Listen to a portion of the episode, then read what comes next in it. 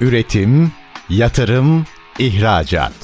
Üreten Türkiye'nin radyosu Endüstri Radyo sizin bulunduğunuz her yerde. Endüstri Radyo'yu arabada, bilgisayarda ve cep telefonunuzdan her yerde dinleyebilirsiniz. Endüstri Radyo.com Esra Baykal'ın hazırlayıp sunduğu Zamana Kafa Tutanlar programı başlıyor. Sevgili Endüstri Radyo dinleyicileri, bir zamana kafa tutanlar programından hepinize merhaba. Güzel bir salı gününde içinizi ısıtacak keyifli bir sohbette sizlerleyiz. Bundan önceki yayınlarımızı kaçırdıysanız üzülmeyin. Endüstri Radyo web sitesinden her zaman eski yayınları dinleyebilir. esra-baykal.com'dan da pazarlama ve iletişimle ilgili pek çok makaleme ve özel içeriklere ulaşabilirsiniz. Efendim Ocak ayı geldi çattı. Aralık ayında otomotiv piyasası elbette çok hareketliydi. Ama önümüzdeki yıl eminiz yeni lansmanlar olacak ve piyasanın dinamikleri de birazcık değişecek. İstedim ki otomotiv sektöründe oldukça deneyimli olan bir ismi bu hafta konuk alalım ve geleceğin otomotiv sektörünü birlikte masaya yatıralım. E planlarımızı da ona göre yapalım. Efendim bugünkü konuğum Dünya Gazetesi'nden Hürriyet'e, oradan sabaha kadar pek çok ana akım medyada önemli görevlerde bulunmuş. Asıl uzmanlığı otomotiv olan bir gazeteci, organizatör ve yayıncı. Türkiye'nin ilk otomotiv yazarlarından Babür Gürel bugün konuğum. Babür abi hoş geldin. Nasılsın? Merhaba, çok teşekkür ederim. İyiyim. Sen nasılsın? Valla çok teşekkür ederim. Sağ olasın. Şimdi ben tabii seni çok iyi tanıyorum. Oldukça da uzun bir gazetecilik geçmişin var. Hı. Ve otomotiv denildiğinde de ilk akla gelen isimlerdensin. Deniyorlar. Ee, teşekkür ederim. Hı hı. Evet, eskimiyorsun, yaşlanmıyorsun. Ne olacak böyle? Aa, en çok buna teşekkür ederim. En çok buna teşekkür ederim. Sağ ol canım. Çok verse. Nasıl bu kadar güncel kalıyorsun? Ben onu da çok merak ediyorum. Çalışıyorum. Yapı olarak hareketli biriyim. Ee, evet ufak tefek rahatsızlıklar tabii ki herkeste olduğu gibi bende de oluyor ama hareket şartıyla herkes de bunu bu şekilde yapabilir diye düşünüyorum. Evet hareket şart. Ben iyi koşturan, iyi yürüyen, iyi gezen biriyim ve bu şekilde de e, yaklaşık 30 senedir 77-78 kilo arasında kalıyorum. Bir de tabii şey de çok önemli bence. Meraklı ve işine aşık olmak da çok önemli galiba. Kesinlikle. Şimdi burada hemen birazcık kendimle ilgili bir şey söyleyeceğim. Gazetecilik bir meslek değil. Habercilik bir yaşam biçimi. Ve bu yaşam biçiminde bu haberci ki kendimden bahsedeyim. Araştırmak, gözlemlemek ve gezmek zorunda. Ne kadar bunu yapabilirse bu haberci o kadar revaçta, o kadar popüler oluyor. Ve bunu da ben bu şekilde kullanarak evet kendi sektörümde biraz iyi olmak için hala 58 yaşındayım. Hala ciddi çalışıyorum. Hızım da şu sabaha karşı 4 civarı uyanıp siteye yeni haberleri koyup ondan sonra işte günlük toplantılar, rutin işler onları tamamladıktan sonra yine sitenin başına gelip yine haber koyup bu sefer gelen yorumlara da cevap veriyorum. Ee, sağ olsunlar bir takım televizyonlardan arıyorlar, bir takım otomobil firmalarından arıyorlar. Bir şeyler bir şeyler ve bunların neticesinde de evet ben hareketli olmak zorundayım. Ve haberci gözüyle her şeye baktığım için de çok doğal olarak bu hareketimi haber tarafına da yansıttığım için bu haldeyim diyebilirim. O zaman aslında bu söylediklerinden yola çıkarak da bir şey sormak istiyorum. Çünkü işin otomotiv gazeteciliği tarafı kolay bir şey değil. Yani sen teknolojiyi de takip etmek zorundasın, ekonomiyi evet. de takip edeceksin, ne bileyim sürdürülebilirliği de takip edeceksin. Deli bir şey yapıyorsun. İyi gazeteci nasıl olunur abi? Bir iyi gazeteci her şeyden önce tarafsız olarak bakmak zorunda her konuya. Bu bahsettiğim her konunun içinde bir kahvaltı tarifi de var, bir ekonomik ürün tarifi de var, bir otomobil tarifi de var, bir ilişki tarifi de var. Bunlar sağlandığı anda gazeteciliğin birinci kuralı bu tarafsızlık ilkesi. İkincisi tabii ki gayet iyi bir yazı dili. Ama tabii son dönemde gazetecilik daha çok görsel ve anlatımsal hale geldiğinden çünkü gazetelerin durumu ortada. Fikirlerimizi paylaştığımız platformlarda hemen hemen hepsinde müdahale var. A akıma baktığınızda A akımın baskısı altındasınız. B akıma baktığınızda B akımın baskısı altındasınız. Yani benim için iki aşırı uçtaki yayınlar da kendi taraflarından bakıldığında aynı. Hiçbir şey ifade etmiyor. O yüzden bu tarafsızlık ilkesi bir haberci için artık gazetecilik demeyelim de buna habercilik diyelim. Bir haberci için olmazsa olmaz. İkincisi iyi bir yazı dili ve üçüncüsü tabii ki anlatım. Bunların dışında ki hiçbir şey gazeteciliği etkilemez. İyi gazeteci olmak için bu üç şartı göz önünde bulundurmak gerekiyor. Bu benim kendi görüşüm tabii. İtiraz eden de olabilir. Güncel kalmak için ne yapmak lazım? Özellikle otomotiv tarafında soruyorum. Güncel kalmak için ne yapmak lazım? Güncel kalmak için özellikle otomobilde, otomotivde çünkü otomobil biraz daha küçük bir kapsam, otomotiv daha geniş. Çünkü otomotiv dediğimizde lastik giriyor, silecek giriyor, far giriyor, akü, akü giriyor, koltuk giriyor, yedek parça giriyor, her şey giriyor, her şey giriyor. Güncel kalmak için, otomotivde özellikle güncel kalmak için iletişimi hiçbir şekilde kesmemek gerekiyor.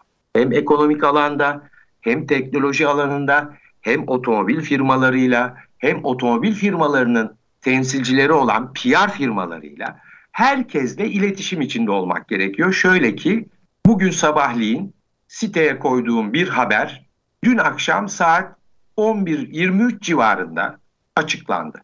Ama bugün sabah 04 itibariyle bu haber sitedeydi.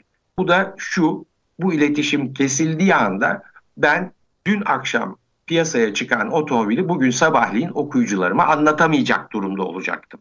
Ama bunu kullanarak evet biraz zamansız, biraz uykudan fedakarlık etmek gerekiyor. Bir takım e, özel yaşamlardan fedakarlık yapmak gerekiyor ama bunu yakalamak adına evet bunlara katlanarak hızlı ve bilgili biçimde tabii ki kesinlikle yanlış bilgi vermeden benim bu haberi siteye koymam gerekiyordu. Evet bu hız şart ve bu hız içinde evde şu anda 3 bilgisayar çalışıyor. Televizyonda haber programları açık çünkü her an altta bir şeyler geçebiliyor. Ne bileyim ÖTV indirimi konuşuluyor şu anda. Bir grup diyor ki ÖTV'yi kaldıracağız. Bir grup diyor ki ben ÖTV'yi kaldırmam çünkü devlete büyük getirisi var. E, bunların sakıncalarını öğrenmem gerekiyor doğal olarak yansıtmak adına okuyucularıma. Bu yüzden iletişimin bütün kanallarının açık olması gerekiyor takipçi olmak adına. Peki bu bölümü o zaman şöyle bitirelim. Sen bu mesleğe nasıl gönül verdin ve nasıl otomotivde uzman oldun? Onu biraz anlatır mısın bize? Milattan önce demeyeceğim.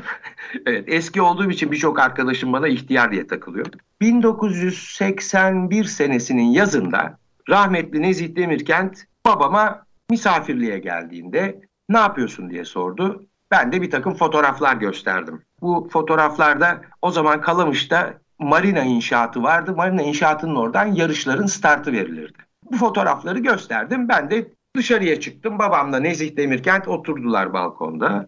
Arkasından aradan bir epey süre geçti. Babam bir tane elinde dergiyle geldi. Dünya Gazetesi Oto Dergisi.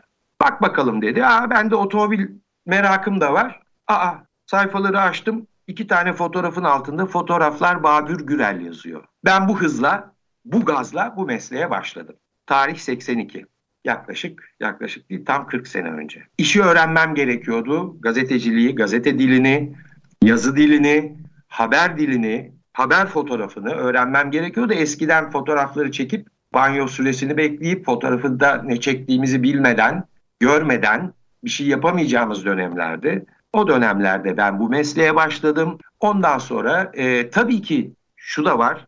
Evet hoşuma giden bir sektör hoşuma giden, artıları çok olan bir sektör. Evet dünyanın hemen hemen bir kıtası hariç her yere ben otomobil firmalarının davetlisi olarak gittim. Ve bunlar da benim tabii ki ufkumu açtı. Çok da doğal bir süreç bu. Bunları yaptım. Ondan sonra evet otomobil kullanmak benim için ekstra ve keyifli bir şey. Bunu hep yeni otomobilleri kullanarak yaptım. Aklınıza gelebilecek hemen hemen bütün otomobil markalarını e, 90'lı yıllardan sonra piyasaya çıkan bütün otomobilleri bir fiil kullandım. Adedinin sayısı hakkında en ufak fikrim yok. Ne olduğunu ben de bilmiyorum. Bunları yaptım ve evet bu konuda kendimi yetiştirerek ki birçok otomobil firmasının yaptığı işlerde bizlere verilen eğitim süreçlerini iyi kullanarak bu hale geldim. Evet e, sağ olsun arkadaşlarım, otomobil firmaları, tanıyanlar, edenler bu işte eskiliğin vermiş olduğu deneyimi de göz önünde bulundurarak akıl danışıyorlar. Ee, bir takım bilgilerini paylaşıyorlar. Ben de o bilgilere karşılık ne yapılmalı, ne yapılmamalı şeklinde fikirlerimi yazılı, sözlü bir şekilde anlatıyorum. Ve evet ben 82 senesinde bu işe başladım. Geçen sene 40. senemdi. 40 senedir önceleri ana akım gazetelerde sonra kendi yayınlarımda yazılarımı da sürdürmeye devam ediyorum hala. Ne gibi eğitimler veriyor size şeyler, e, otomotiv firmaları merak ettim. Defansif ve ofansif otomobil sürüş teknikleri, e, güvenli araç kullanma teknikleri, otomobillerle yaptığınız e, hareketlere hangi refleksleri göstermeniz gerektiğini, nasıl yol tutuşunu otomobilin lehine çevirirsiniz onları, lastiğin önemini, otomobilin yere basış şekillerini anlatan eğitimler. Bunlar mesela çok lüks bir markanın kendi otomobillerindeki kullandığı yeni teknolojileri nasıl yolda, nasıl gerçek hayatta kullanmamız gerektiğini ya da kullanılması gerektiğini bize anlattıkları eğitimler. O zaman aslında siz yani tanıttığınız araçlarla ilgili sürüş deneyimleri, emniyetli sürüş deneyimleri, o aracın nasıl ideal kullanılması gerektiğini, belki yazdığınız konuya bağlı işte lastikler, yedek parçalar, teknolojik gelişimlerle ilgili eğitimler de alıyorsunuz. Doğru anlıyorum değil mi? Evet doğru ve bu eğitimleri kendi alanlarında e, dünyaca kabul görmüş öğretmenler diyeyim size bu öğretmenlerden alıyoruz. Ve bu öğretmenleri de bizim için çok önemli bir şey olan otomobil firmaları bizi eğitmek adına yurt dışından emin olun çok büyük paralar vererek getiriyorlar. Ve bu da tabii çok doğal biçimde bizlere büyük katkı sağlıyor. Kısa bir reklam arasından sonra yine sizlerle birlikte olacağız efendim. Üretim, yatırım, ihracat. Üreten Türkiye'nin radyosu Endüstri Radyo sizin bulunduğunuz her yerde. Endüstri Radyo'yu arabada, bilgisayarda ve cep telefonunuzdan her yerde dinleyebilirsiniz. Endüstri Radyo.com Sevgili zamanda kafa tutanlar dinleyicileri, programımızın ikinci bölümünde Babür Gürel'le sohbetimize devam ediyoruz. Babür Bey kimdi? Otomotiv sektöründe çok uzman bir haberci ve onunla nasıl iyi haberci olunur? İlk bölümde biraz bunu konuştuk ve otomotiv firmalarının habercilere verdiği eğitimlerden de bahsettik. Şimdi gelelim otomotiv dünyasına. Şimdi sektör nereye evrilecek? 2023 yılında farklı atılımlar neler göreceğiz? Biraz senin perspektifinden de bunu dinleyebilir miyiz? Tabii ki, tabii ki. Şimdi aslına bakarsanız sektörün 2023'ünü başarılı görmemek için Türkiye'deki mevcut sistem elinden gelen her şeyi yapıyor. Vergilendirme sisteminden ve tabii çok doğal biçimdeki kur farklarından dolayı önümüzdeki sene fiyatlar yükselmek zorunda. Bir kere bunda bir anlaşalım herkese. Çünkü hiç kimse şunu beklemesin. Otomobilde fiyatlar düşecek. Hayır düşmeyecek hiçbir şekilde de düşemez. Çünkü biz kuru kontrol altında tutamıyoruz. ÖTV'den vazgeçmiyoruz. Kur kontrol altında tutulamadığından aracın TL bazındaki fiyatı devamlı yükseldiği için ÖTV de yükseliyor. Devlet ÖTV'yi kaldırmak istemiyor. Çünkü çok büyük bir gelir kazancı var devletin ÖTV'den.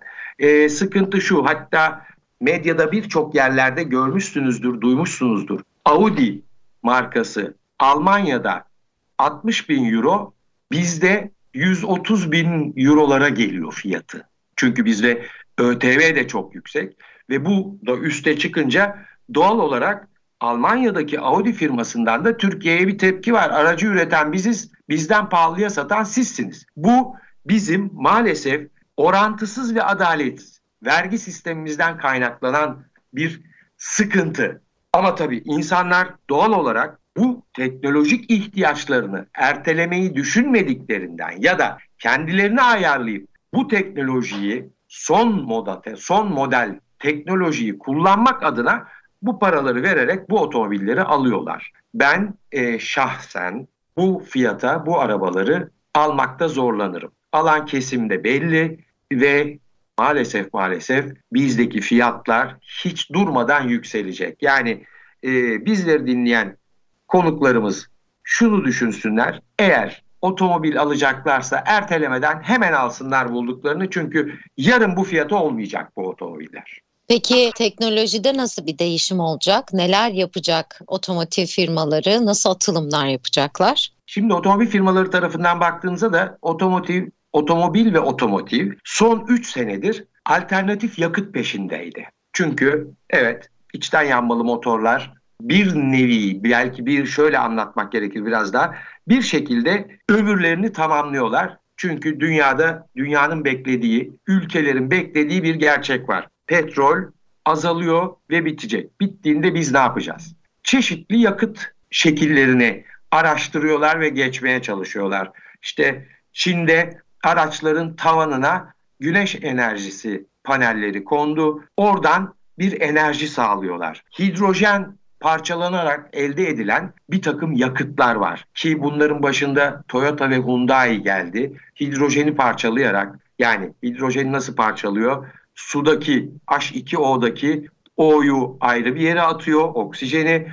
iki tane aşı birbirine çarpıştırıp hidrojeni enerji elde ediyor. Hah, şimdi e, son trend elektrikli otomobiller. Evet elektrikli otomobiller otomobilin ilk çıktığında bile varken kullanılmış sonra elektrik pahalı diye vazgeçilmiş bir yakıt sistemiydi. Ama şu anki dünyada elektrikli otomobiller birçok markanın birçok motorunu kendileri yaparak kendilerine uyguladılar ve evet şu anda maksimum 600 kilometrelere kadar bir enerji sağlıyor. Elektrikli otomobiller önümüzdeki yıllarda daha adını çok duyacağız ama elektrikte de elektriğin üretilmesinde de sıkıntıyı düşünen bu mühendisler solardı, hidrojen gibi yeni enerji kaynağı aramalarında çok fazla çalışma yapıyorlar. Belki de elektrikli otomobillerin de ömrü 10 sene 15 sene olacak ama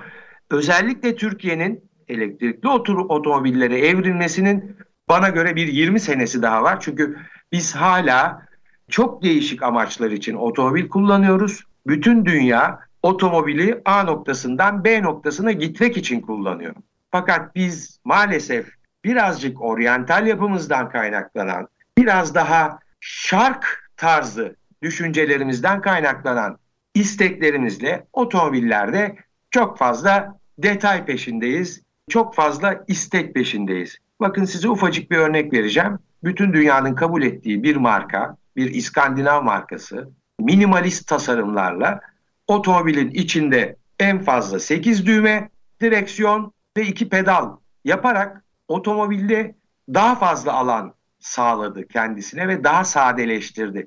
Bu sadeleşmede bu otomobilin çok daha rahat kullanımını ortaya çıkar. Biz ama hala işte yaptığımız bir versiyonun arkasına harf değişikliği yaparak içine aksesuar ekleyerek hala iyi otomobil yapıyoruz gibi gösteriyoruz kendimizi. E, evet bizde de gayet iyi üretilen son teknoloji otomobiller var. Bu benim bahsettiğimi onlar kapsamıyor. Otomobil Türkiye'de Avrupa'daki gibi görülmediği için bizde maalesef bu üzerindeki vergilerden dolayı otomobil bizde hala yatırım aracı. Avrupa'da otomobil sadece dört tekerlekli demin de söylediğim gibi A noktasından B noktasına götüren aracı. O kadar.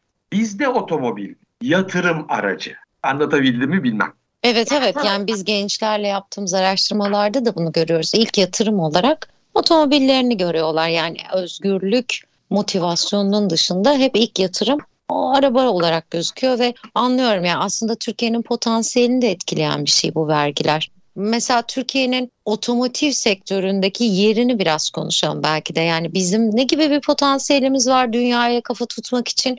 Çünkü burada çok fazla firmanın e, imalatı, birleştirmesi vesairesi olduğunu biliyoruz. Özellikle Bursa ve İzmir. İzmir tabii çok kötü oldu ama Opel'in fabrikasının kapanmasıyla birlikte ama Bursa'da ciddi bir otomotiv dünyası konuşuyoruz.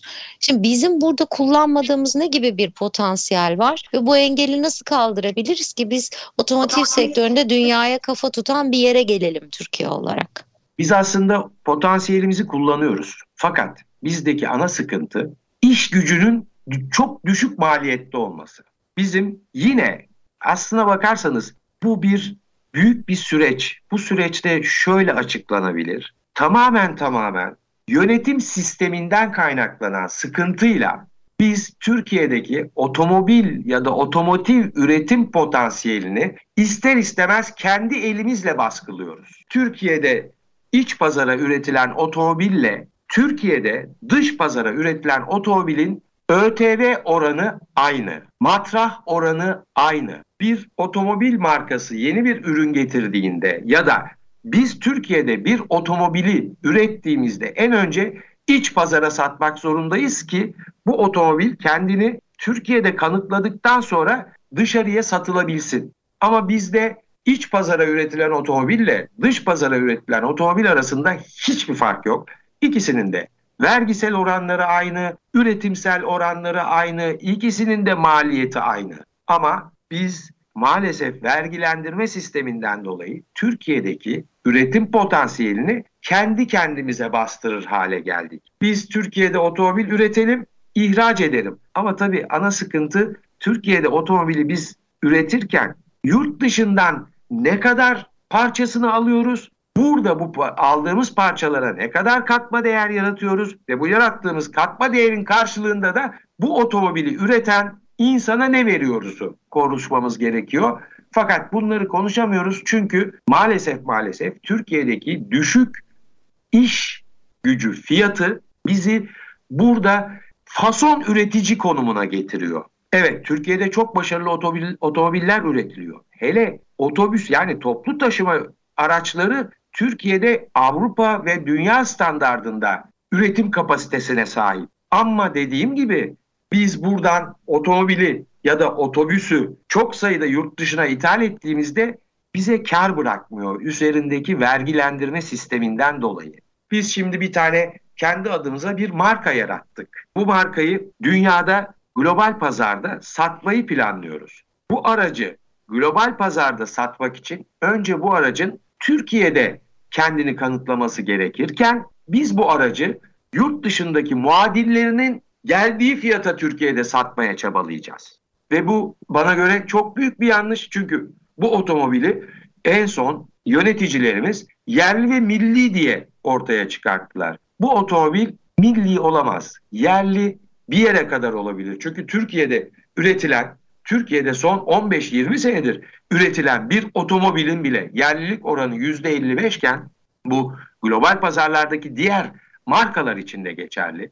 Çünkü artık kimsenin yerli otomobili yok.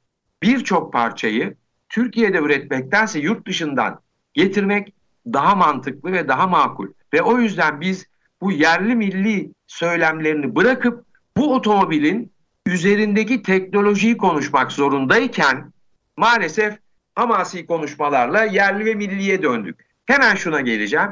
Bir, Türkiye'de üretilen, dünya pazarına, global pazara satılan bir otomobilin Türkiye'deki işçilik hariç üzerindeki yerli parça oranı en büyüğü %52-54. Ve biz bu otomobili Türkiye'den yerli milli diye yurt dışına satamayız. Çünkü markası Türk değil. Bizde üretilen dünya markası olmasını planladığımız Türkiye'nin otomobili denilen akıllı cihaz TOK, akıllı cihazın fikri kullanım mülkiyet hakları bizde. Yani biz bu, bu otomobili atıyorum Çek'te bir fabrikada da üretirsek yerli ve milli mi olacak sorusuna da cevap arıyoruz bir taraftan. Ee, işte maalesef bunlar çok tepki toplayan sıkıntılı e, süreçler. Türkiye'nin dünya otomotiv pazarında yeri aslında çok sağlam. Biz bu konuda çok başarılıyız. Demin verdiğiniz örnek Bursa, organize sanayi. Emin olun çok önemli otomobil markalarını bile çok rahat biçimde üretebilecek kapasiteye sahip. Çok büyük teknolojimiz var. Bursa'da, e, İzmir'deki kapandı. İzmir'de artık e, sadece fiktif depo var. Ama Bursa, Kocaeli, Gemlik bölgesi sahiden sahiden şu anda tek başına Avrupa'ya çok büyük ihracatları gerçekleştirebilecek ve iç pazara istenilen araçları satabilecek düzeyde çok muhteşem fabrikalara sahip. Evet mesela Hyundai, Toyota, Renault, Fiat bunlar Türkiye'nin çok özür dilerim Ford'u unuttum. Bunlar Türkiye'de otomobili son 40 senedir üreten firmalar. Ama demin de dediğim gibi bilgisi olup da olmayıp fikri olan birçok insan top fabrikasını Türkiye'de ilk zannediyor. Ve bu ilk zannetmek de e, maalesef herkesin canını sıkıyor. Çünkü biz yurt dışına gittiğimizde adamlar yabancı gazeteciler öyle söyleyeyim bize farklı gözle bakmaya başladılar. Ne yapıyor bu Türkler diye. Ve biz bunu maalesef yurt dışına anlatamıyoruz. Çünkü yurt dışı bir otomobilin teknolojisiyle ilgileniyor. Biz maalesef bir, bir üretmeye çalıştığımız ya da ürettiğimiz bir otomobilin hala yerli ve milliliğiyle karşılaşıyoruz. Kısa reklam arasına gidelim. Tabii. Reklam arasından sonra birazcık daha ikinci el pazarı konuşalım olur mu? Tabii memnuniyetle, memnuniyetle. Sevgili zamana kafa tutanlar dinleyicileri kısa bir reklam arasından sonra yine sizlerle birlikte olacağız. Üretim, yatırım, ihracat. Üreten Türkiye'nin radyosu Endüstri Radyo sizin bulunduğunuz her yerde. Endüstri Radyo'yu arabada, bilgisayarda ve cep telefonunuzdan her yerde dinleyebilirsiniz. Endüstri Radyo.com Sevgili zamana kafa tutanlar dinleyicileri, programımızın son bölümünde Babür Gürel'le sohbetimize devam ediyoruz. İkinci bölümde ne konuştuk? Otomotiv sektörünün Türkiye'deki yeri, Türkiye'deki otomotiv sektörünün dünyadaki yerini konuştuk. Sektörün önündeki engelleri ve potansiyellerini konuştuk. Biraz yerli üretim iddiasında olan aracımızı konuştuk. Peki biraz da ikinci el konuşalım. Çünkü ikinci el pazarı çok önemli. Bir sürü girişim var bu alanda ve bir aracın aslında satın alma motivasyonu da ikinci elden geçiyor. Ve şunu da görüyorum ben biraz önce bahsettiğin elektrikli araçlar için evet bizim bir 20 yılımız daha var ona %100 katılıyorum. Ee, bunun dışında aslında elektrik elektrikli araçların bugün tercih edilmeme nedenlerinin içinde de ikinci el piyasasının olmaması da yatıyor. Şimdi o yüzden ikinci el pazarını 2023'te neler yaşayacak, neler bekliyor? Biraz bundan bahsedelim istiyorum. Tabii aslında bu da çok göreceli bir kavram gibi görünse de 2023 senesinde de tedarik sorunu devam edecek. Şöyle ki devam edecek. Tedariği ana üreticiler karşılayamadıkları için ya da az bulabildikleri için sıfır otomobil yine az olarak üretilecek. Bu bizimle ilgili bir e, sonuç değil. Bütün dünya için, dünya genelindeki görüşü sizinle paylaşıyorum. İkinci el otomobillere gelince doğal olarak sıfır otomobilin sıfır otomobile ulaşmak zor olacağından ikinci el otomobil pazarı yine hızlı geçecek. Çünkü bu sene Türkiye'ye gelmesi planlanan 70 tane yeni model var. Bu 70 yeni modelden Türkiye'deki otomobil satıcıları, ana satıcılardan bahsediyorum.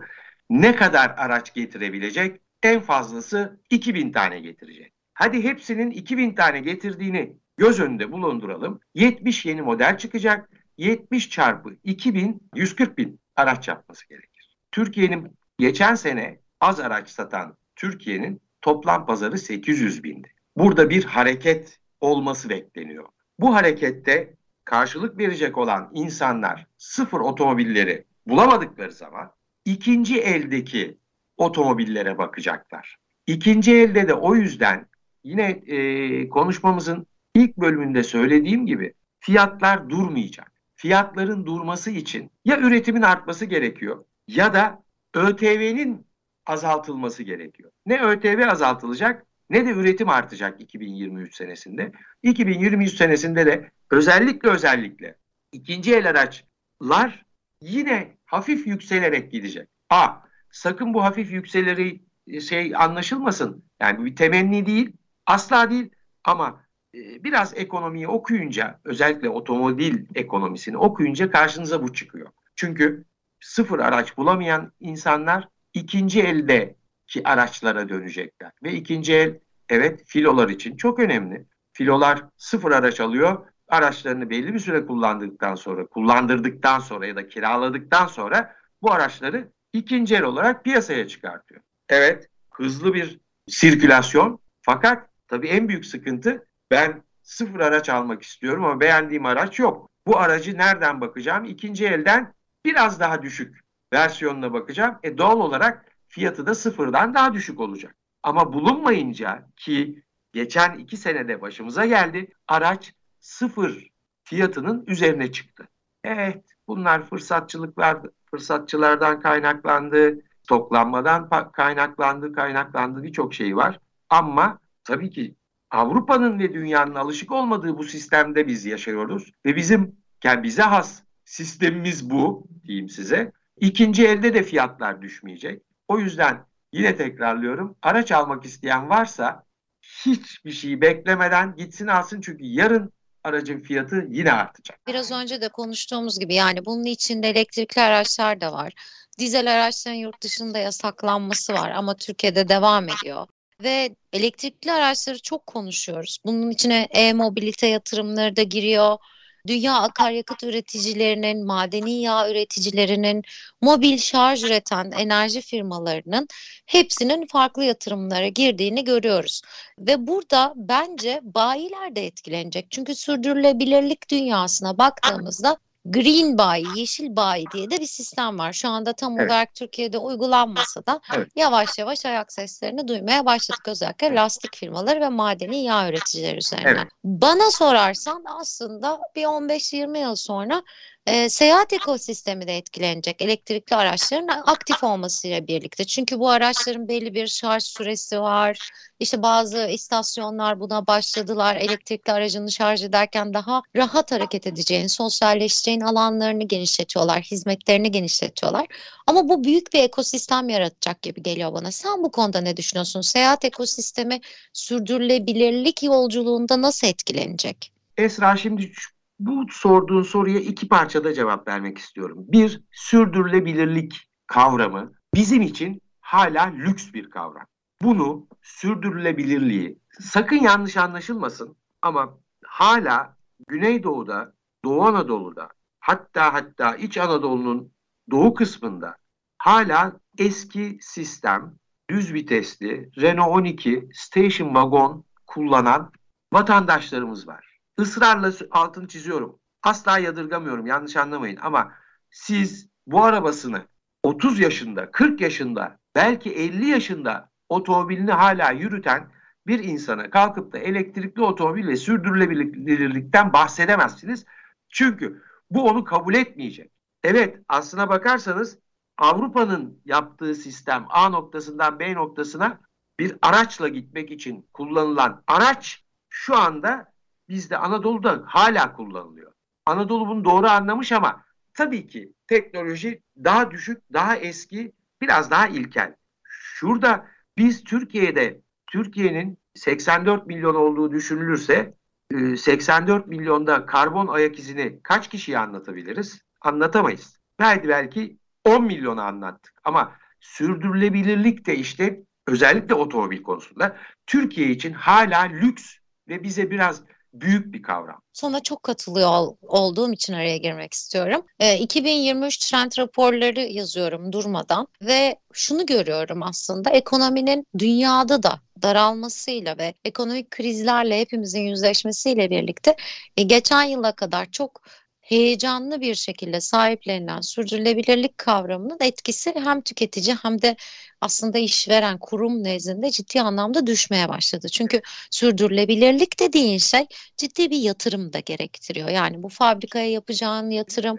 bunun son tüketiciye yansıması, e, ve burada artık bir yani saksının kırılması ve o saksıdan bir sızıntı yapmaya başlamasını ben de çok hissediyorum. Eskiden raporlarımızda şeyi çok görürdük işte sürdürülebilirlik, e, geri dönüşüm, plastikten uzaklaşma, karbon ayak izine önem verme oranları tüketici tarafında bile çok önemli bir satın alma kriteriyken bu sene bu dataların ben düştüğünü gözlemliyorum ki en büyük bu anlamda işte dönelim moda sektörü en fazla su tüketen sektör.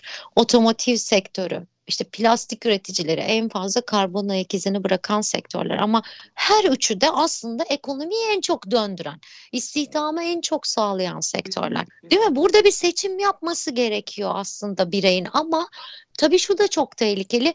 Bugünü kurtarmaya çalışırken yarını mahvetmek diye de bir şey var. Bence çok büyük bir dilema ama sana katılıyorum. Sürdürülebilirlik kavramının Türkiye ve benzer ülkeler için büyük bir lüks olduğuna. Evet. Şimdi bu da var ama e, demin senin söylediğin seninle ilgili ufacık ben de bir ekleme yapayım. Bizdeki fabrikalar işte otomobil fabrikaları bu İzmit Kocaeli bölgesindeki e, Bursa bölgesindeki fabrikalarda da mesela kendi sularını kendileri aratıyor, arıtıyorlar. O bölgedeki lastik firmaları toplanan pet şişelerden lastik yapıyorlar. Hava karbon salınımını sıfıra indiren fabrikalarımız var.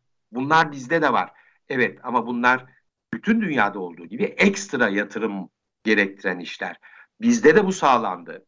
Bunlardan çok eminim birçok fabrikamız bizdeki kendi suyuyla dönüyor diyeyim en kabaca. Karbon ayak izini çok azalttılar. Bunlar evet çevreye duyarlı fabrikalar diye geçiyor. Lastik fabrikaları burada çok önemli e, benim görüşümde. Çünkü hem havayı hem çevreyi en çok kirleten fabrikalardan biri. Lastik direkt petrol türevi kullandığı için. Burada da kendisini bu şekilde sürdürülebilirlik ve temizlik, temiz hava, temiz çevre konusunda geliştiren fabrikalarımız var. Ford'un Gölcük fabrikası bu şekilde, Hyundai'nin fabrikası bu şekilde. Bunlar da var bizde. O yüzden bizde bunlar fabrika bazında başlayıp tüketiciye ne kadar yansıyor onu düşünmek gerekiyor ama e, bizde daha tüketici için de gene söylediğim gibi bu da bir lüks düşünce kavramı olarak kalıyor. Çünkü elektrikli otomobil havayı kirletmiyor. Harika. Fakat Türkiye'de geçen senenin rakamını şu kadarını söyleyeyim. Ha bu arada ufacık bir şey daha var. 2022 küresel otomotiv yöneticileri anketinde de müthiş bir saptama ortaya çıktı. Önümüzdeki 4 yıl içinde küresel pazara 160 tane yeni elektrikli otomobil modeli çıkıyor. Büyük rakamlar bunlar. Çok büyük rakamlar. Elektrikli otomobile evet dönüşüm hızlanacak fakat yine bizdeki gibi bizde şu anda en büyük korku demin senin de söylediğin gibi ikinci eli ne olacak? Çünkü yine hemen başa dönüyorum. Bizde otomobil hala yatırım aracı olarak görülüyor. Ve bunun üzerine çok uzun programlar, çok uzun konuşmalar yapıldı, yapılacak ve yapılması da gerekiyor. Otomobil neticede bir aslında telefon gibi de baktığımızda cep telefonu teknolojisi eskiyince yenisini alıyoruz. Otomobilin de böyle olması gerekir ama maalesef bizdeki sistem zorlukları bunu geciktiriyor. Evet, elektrikli otomobilde önümüzdeki 4 yıl içinde 160 yeni otomobil piyasaya çıkacakken biz bunun Türkiye olarak neresinde olacağız? Türkiye'ye hangileri gelecek? Ne kadarı satılacak? Ne olacak? Bunu kimse göremiyor ki biz de göremiyoruz. Türkiye'deki otomobil yöneticileri de göremiyor. Ve bu görememezlik yüzünden de bana hala elektrikli otomobilin Türkiye'ye bol geldiği düşüncesi devam ediyor bende. Biz bir 20 sene daha yanmalı motorlu ya da atmosferik motorlu ya da sıvı yakıtlı diyebileyim otomobilleri kullanmaya devam edeceğiz. Katılıyorum. Yani seyahat ekosistemi belki buna hazırlanıyor.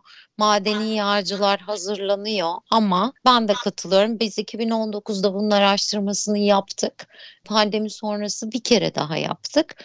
E, her iki durumda da evet tüketicinin alma motivasyonu yüksek gözükse de ki global raporlar da bunu gösteriyor. E, iş realiteye döndüğünde çok fazla kaygıları var. Çok evet. fazla bilinmezlik var dediğin gibi. O yüzden ben de bu kadar hızlı bir dönüşüm beklemiyorum. Ha ne zaman olur dönüşüm? yaptırımlar gelirse, kamu bunun işin içine girerse, zorunluluklar çıkarsa, Avrupa Birliği e, yaptırımları bir şekilde Türkiye'de de uygulanırsa ancak o zaman olur ama böyle serbest piyasa içerisinde ben de hiç zannetmiyorum olacağını. Peki programın sonuna doğru yaklaşırken bir de şey sormak istiyorum her sektör gibi aslında otomotiv sektörde büyük bir değişim içerisinde. Dijitalleşme var. Dijitalleşme ile birlikte e, aslında kurumların çalışma yapıları, üretim yapıları, insan istihdamı oranları her şey çok değişiyor.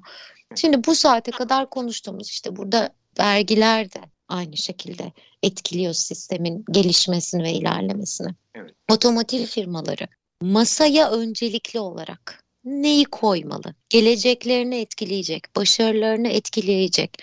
Hangi konu başlıklarını firma olarak ön plana alıp buna göre adımlar atmalı ki karlılıkları, satışları etkilenmesin e, ve aslında bağ kurmaya çalıştıkları kişilerle de araları e, sürdürülebilir bir şekilde, istikrarlı bir şekilde iyi olsun. Mesela buna biraz önce söylediğin işte pandemi dönemindeki çip kriziyle birlikte gelmeyen otomobiller de söz konusu. Ne yapması lazım? Firmaların neyi önceliklendirmesi lazım önümüzdeki dönemlerde? Buna bir firmadan örnek vererek anlatmak isterim. Stellantis oluşumunun CEO'su Carlos Tavares iki gün önce Las Vegas'ta düzenlenen CES teknoloji etkinliğinde kendilerinin yüksek maliyetlerini karşılayamadıkları ve bunun sonucunda da pazarın daralması durumunda fabrikaların kapanmasının kaçınılmaz olduğu konusunda uyardı. Otomobil sektörünü uyardı. Elektrikli otomobilin maliyeti yanmalı motorlu otomobile göre yüzde 40 daha fazla dedi adam. Ve bundan sonra da kalkıp birçok şirketin bu maliyeti, bu maliyetleri karşılamaya çalışacak ama otomobiller alıcıların çoğu için karşılanamaz hale gelecek. Yani buradaki adamın anlatmak istediği şu. Ben otomobili 5 birime üreteceğim. Bunu satıp kar etmem için 10 birim demem lazım ama 10 birim alıcıya çok yüksek gelecek dedi. Ve bu doğal olarak bu pazarın biraz daralması gerekiyor anlamında da çalışmamız, maliyetleri düşürmemiz açısından çalışmamız gerekiyor dedi. Biraz tepki aldı. Çünkü kendileri de ucuza elektrikli otomobil üretip satan bir grup Stellantis. Demek ki pahalıya üretip az karla satıyor demek.